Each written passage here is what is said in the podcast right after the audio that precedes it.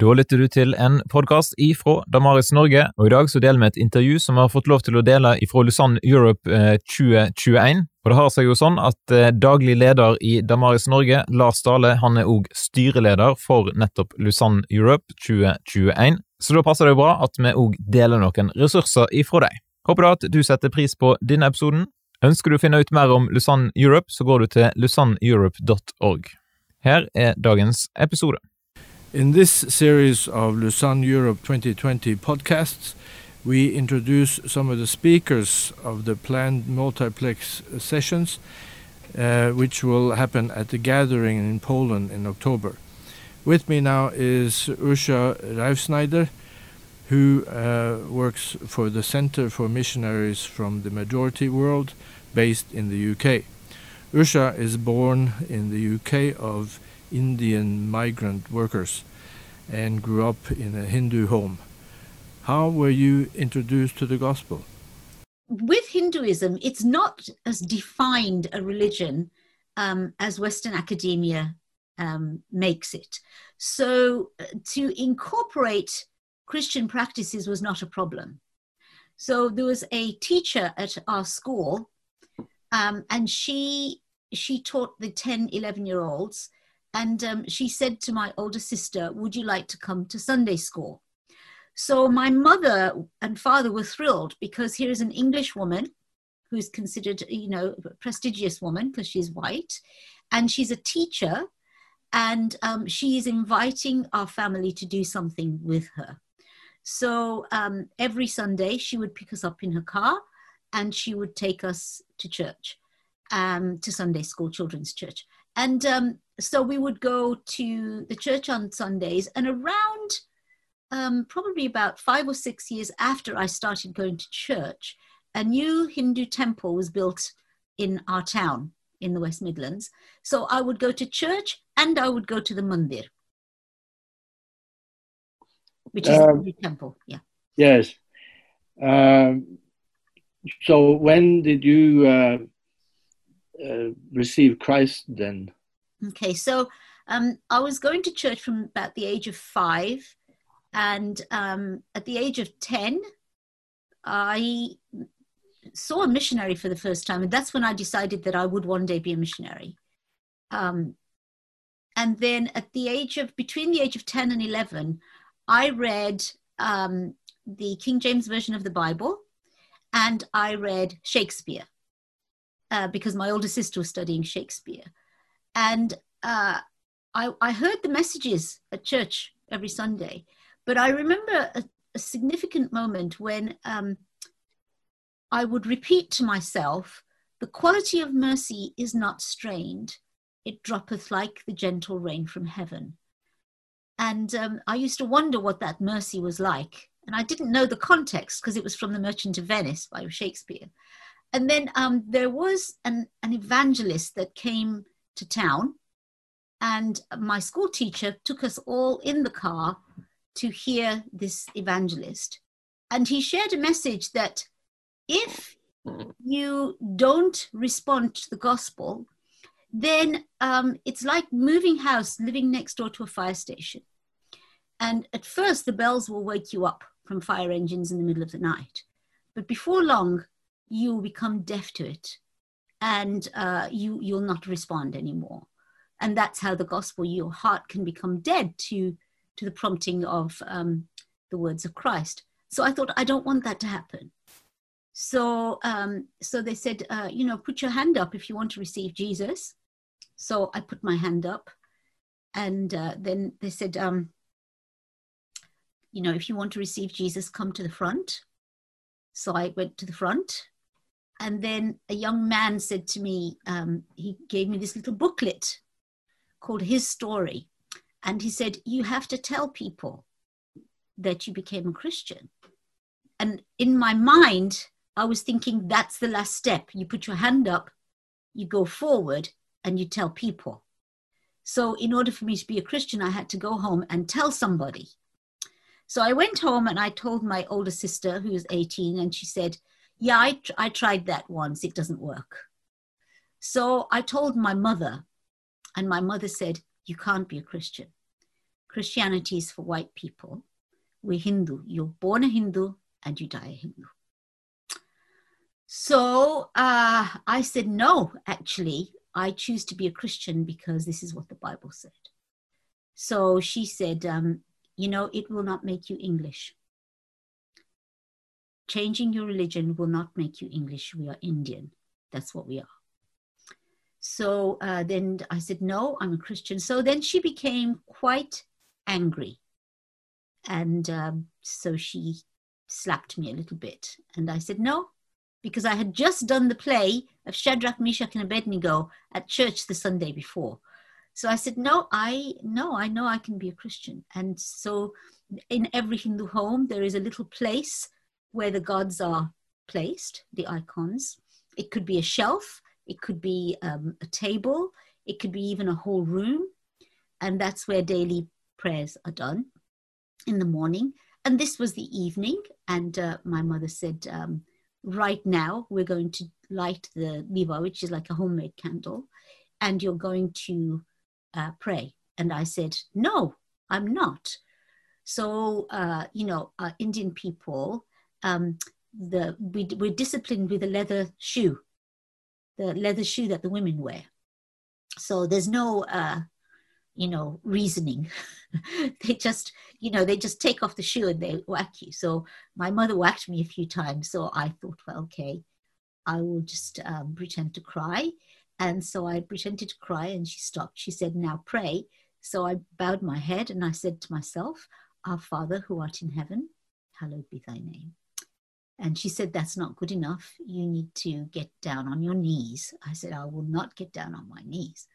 So, you know, um, we're five children, very unruly. And my mother kept um, a cane from a branch, uh, from a tree in the garden. And she took out the cane and she whipped me with the cane. And then it was hurting a lot. So I thought I'll go down on my knees and I will say my prayers. So I went down on my knees and I said, Our Father who art in heaven, hallowed be thy name. She said, That's not good enough. Your head must touch the ground. I said, My head will not touch the ground. Then she beat me viciously, harshly. And uh, now I'm crying because I'm in a lot of pain and I can feel the welts on my back. And so I thought I'll put my head down, but I'll just keep it this far from the ground so she doesn't know. So I put my head down and I said to myself, Our Father who art in heaven. And as I said that, she stamped her foot on the back of my head and held my face to the ground. And um, so now I'm weeping and I'm humiliated. And um, I say to myself, well, I just became a Christian and I've already um, bowed down to idols and I've broken this, I've ruined this, you know. And as much as one can hear the Holy Spirit, I believe that God said to me at that time, You're standing up on the inside. No one can make you a Christian and no one can take it away. So um, my mom took my Bible and uh, she stopped me from going to Sunday school.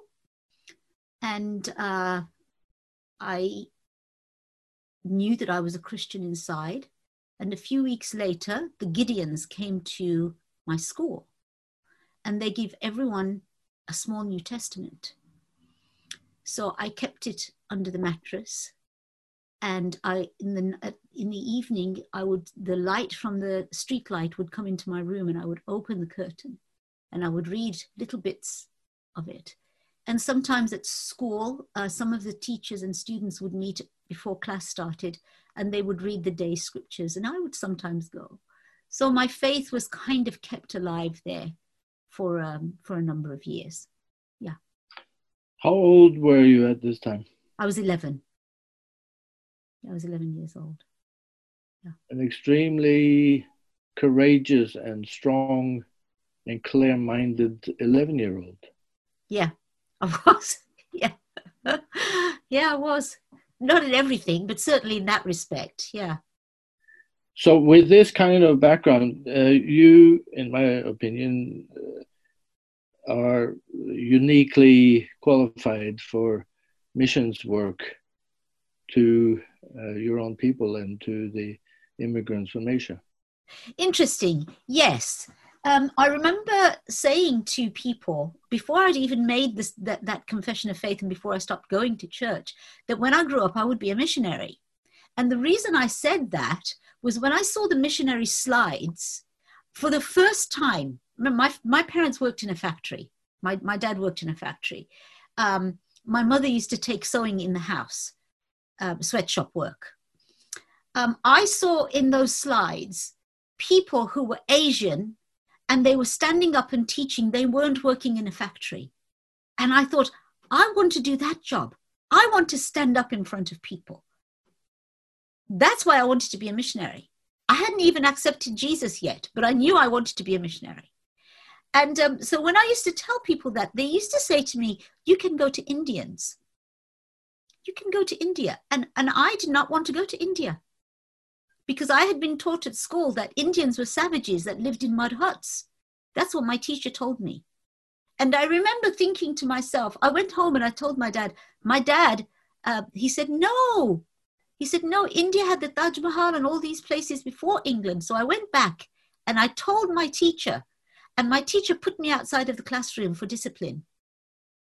And that day, I decided that a white woman who was reading for a book from a book about India knew more than my own father, and that authority came from there. So I did not want to go to India. And I thought to myself, if I was white, I could go to any country and be a missionary. But if I'm Indian, I can only go to Indians. I remember thinking that. I remember being trapped by that paradigm. I couldn't articulate it to anyone because anytime, even as I grew older, and you know i was baptized at 19 and i started looking into doing mission work. People would any agency would say you can go to india. I would think i don't what if i don't want to go to india? So the call was there. So in a sense the uniqueness um, of uh, of being a convert is more understood now than it was back then. Because back then when people like me converted and at baptism especially uh, we were given new names. Many of the converts that I know gave up completely on their Indian identity. Many ran away from home because we were told that um, we could not, anything that was Indian was Hindu, and anything that was Hindu was contrary to the word of God. We couldn't go into our own home because there were idols there, and our parents were against us. That's what they told us because they didn't have God. And so there was a created enmity between us that pushed us away from our families. And we became English, we became British in order to be Christian. So this leads us into the topic for your multiplex decolonizing missions. Uh, how, uh, why do you see that as necessary? Well, and, um, and, what will what will a decolonized uh, missions endeavor look like? Well, let me just say that um, I'm not saying that there is nothing of value coming from anything that was colonized. That's historical, and we it's God that moves people around the earth, in my opinion, and according to Scripture. But um, what happened is that mission became the work of the empire. Um, I'm speaking from a British context, but really, William Carey's method of doing mission um, became how mission, the lens for mission, even today. That uh, along with the Bible, he took with him his own culture. And at that time, uh, Britain was very influential in the world. And um, so, so uh, Christianity looked like it was Western, even though it was not. And of course, we are all vessels, we are all influenced. And so, wherever we go, we take that influence with us. We don't just take the Bible, we take ourselves as the vessel that carries the Bible. And so, inadvertently, um, I recognized one day, uh, after being a missionary for 25 years, that all of my life I had looked at a person that looked like you, a white man, right? Sometimes the face was like mine. Sometimes it was female, sometimes it was black. But what came out of his mouth is a white voice. And what that voice was saying is, be like me so you can reach people like you. And Revelation 7 9 says there'll be people from every tribe, tongue, and nation. Now, we have no problem with nation and tongue, but we have a problem with tribe because tribe speaks of the cultural contexts. So, what I want to look at is is there room in the cultural context that I am from for Jesus and the redemptive power of who Jesus is? So when I think about decolonizing mission, it's not that everyone has to do it my way, the British Indian, the British Gujarati way, but that everyone can take the scripture and remove from it as they choose, as they see fit, things that are not essential to who Jesus is in my life, but that are peripheral and negotiate culturally. Um, and so I'm not talking about contextual mission. I'm not talking about you, for example, telling me, do it from your context. Let me tell you what you should do. Why don't you start wearing Indian clothes? Why don't you eat Indian food? Why don't you do, why, I'm not looking for that. I'm looking for those of us who've come to faith from other cultures to be able to read scripture with our families that are not yet followers of Jesus and say, come, let's reason together. Let's look at this. Let's don't think of Christianity as being an oppressive force, a Western religion. Look at Christianity outside of those things and what it can mean to you as a person, to you as a family. Let me take that journey with you instead of dragging you through a, an English context or a, a British or European context or my context. So, yeah. Does that work? Have you tried this with your family? Yes, I have. I have actually. Yes, indeed. And what happened? Well, um, after living in England for 50 years, my parents moved back to India. And um, through my own extraction, cultural extraction, I had become very Western in my Christianity. And um, I had left, when I became baptized, I left my family, which many of us converts from Islam uh, Hinduism, Sikhism, Buddhism are encouraged to do, uh, not not necessarily directly. But um, so I was very, uh, I had a lot of animosity. There was a lot of animosity between us for um, about 25 years. And um, my parents, after moving to India, my mother, uh, she visited the US and we had moved to the US. My husband is, by the way, um, white American um, and she, she, my mother came to the U.S. and asked to see me, and uh, she asked to um, to go to church. Um, and uh, she had been to church when we were children because we were all singers. Our, my family is a family of musicians, so she had been to church and she had enjoyed, but she didn't want the exclusivity at that time. She thought that Christianity was a white man's religion, but she came to church and um, she wanted prayer and uh, so she asked for prayer. And as they were giving as they were praying they were giving communion. So i said to my mom this is communion. And i said to the pastor my mother is not a follower of jesus. And um, she said today i want to be. And so she she um, decided that she would become a follower of jesus. Um, she went back to india.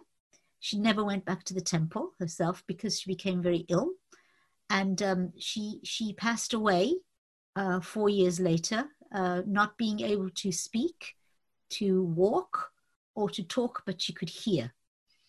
Um, and the day that she died, I am uh, kind of uh, how can I say? I'm in some ways skeptical in the area of, of visions, but I had one vision, and I saw my mother.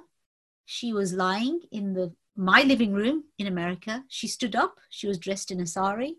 She was waving to me. And clearly she was going to a wedding. And I thought, it can't be my mother. My mother hasn't walked. It can't be my mother. My mother is in India. 20 minutes later, I got a phone call from my brother in law saying that my mother had passed away. So I went to India and I shared this with the family and the other people. Anyway, so years went by. And then uh, about four years ago, my father was taken ill in India. I went to see him. Uh, from the moment that I arrived, June 8th, 2015, my father started having visions of Jesus. And uh, he started asking me, um, Was there ever anyone that was born that was sinless? I said, Yeah. I said, I believe Jesus was. And he started having visions of my mother in heaven, visions of Jesus.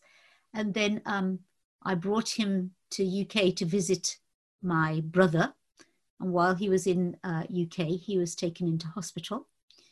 And um, one night, uh, he just started asking me about Jesus. And I played him music uh, that was written by a, a, man called Chris Hale, where he took Indian songs um, and he, he used them to communicate the gospel. And um, I used to play them to my father. And then I said to him uh, one day, um, uh, which means father, respected father, can I pray for you? And he said, yes. I said, can I pray for you in the name of Jesus? He said, yes. I said, what would you like me to pray? He said, I want you to pray that all my sins would be forgiven. So I prayed that prayer in Gujarati. And I used Prabhu Isu rather than Lord Jesus, which means Lord Jesus, but just in our language. And I, I used um, the terms for sin instead of using the English term. I used the Gujarati term, and um, and my father prayed with me, and um, ten days later he passed away in my arms. And so um, I think the biggest obstacle to my parents coming to faith was me trying to force them to be something that they were not instead of looking at who Jesus is. They have no problem in believing that Jesus is God, no problem that Jesus removes sin. But what they couldn't see is a Jesus that had blonde hair and blue eyes and destroyed their culture.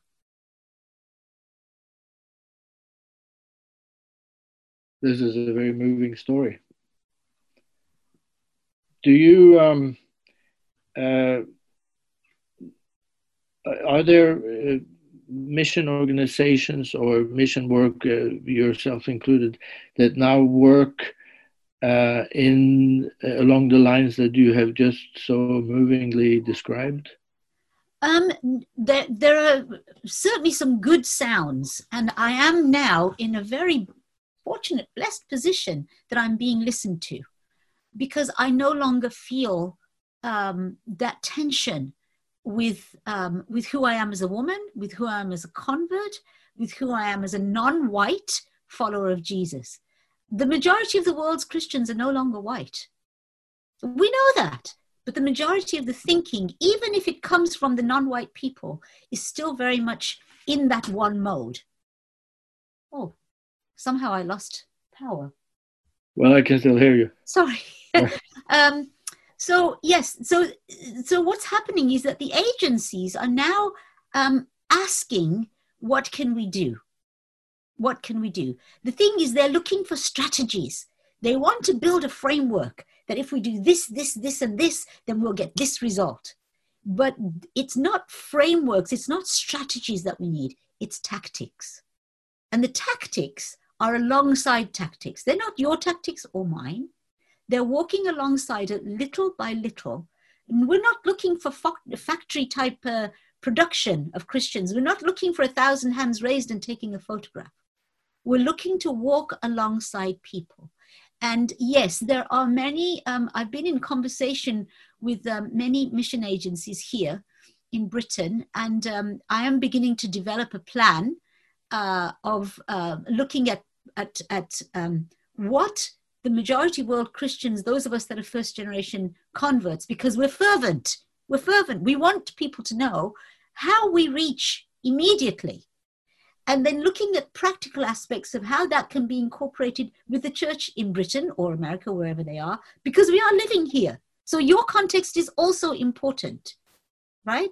And then looking broadly at how people like me can go from reaching one on one working alongside the church and working alongside the community to actually now producing academic material that takes our voices in a way that makes sense to the Western world as well as the majority world. You're talking about uh, academic material. Uh, I understand that you are now working on your PhD thesis. Is that about this? Yes, yes. I'm looking at um, transcultural aspects of, uh, of uh, conversion and looking more at the journey rather than the opposite ends. So instead of looking at one day I was this to one day I'm that, it's looking at the process and how many people come along on that process.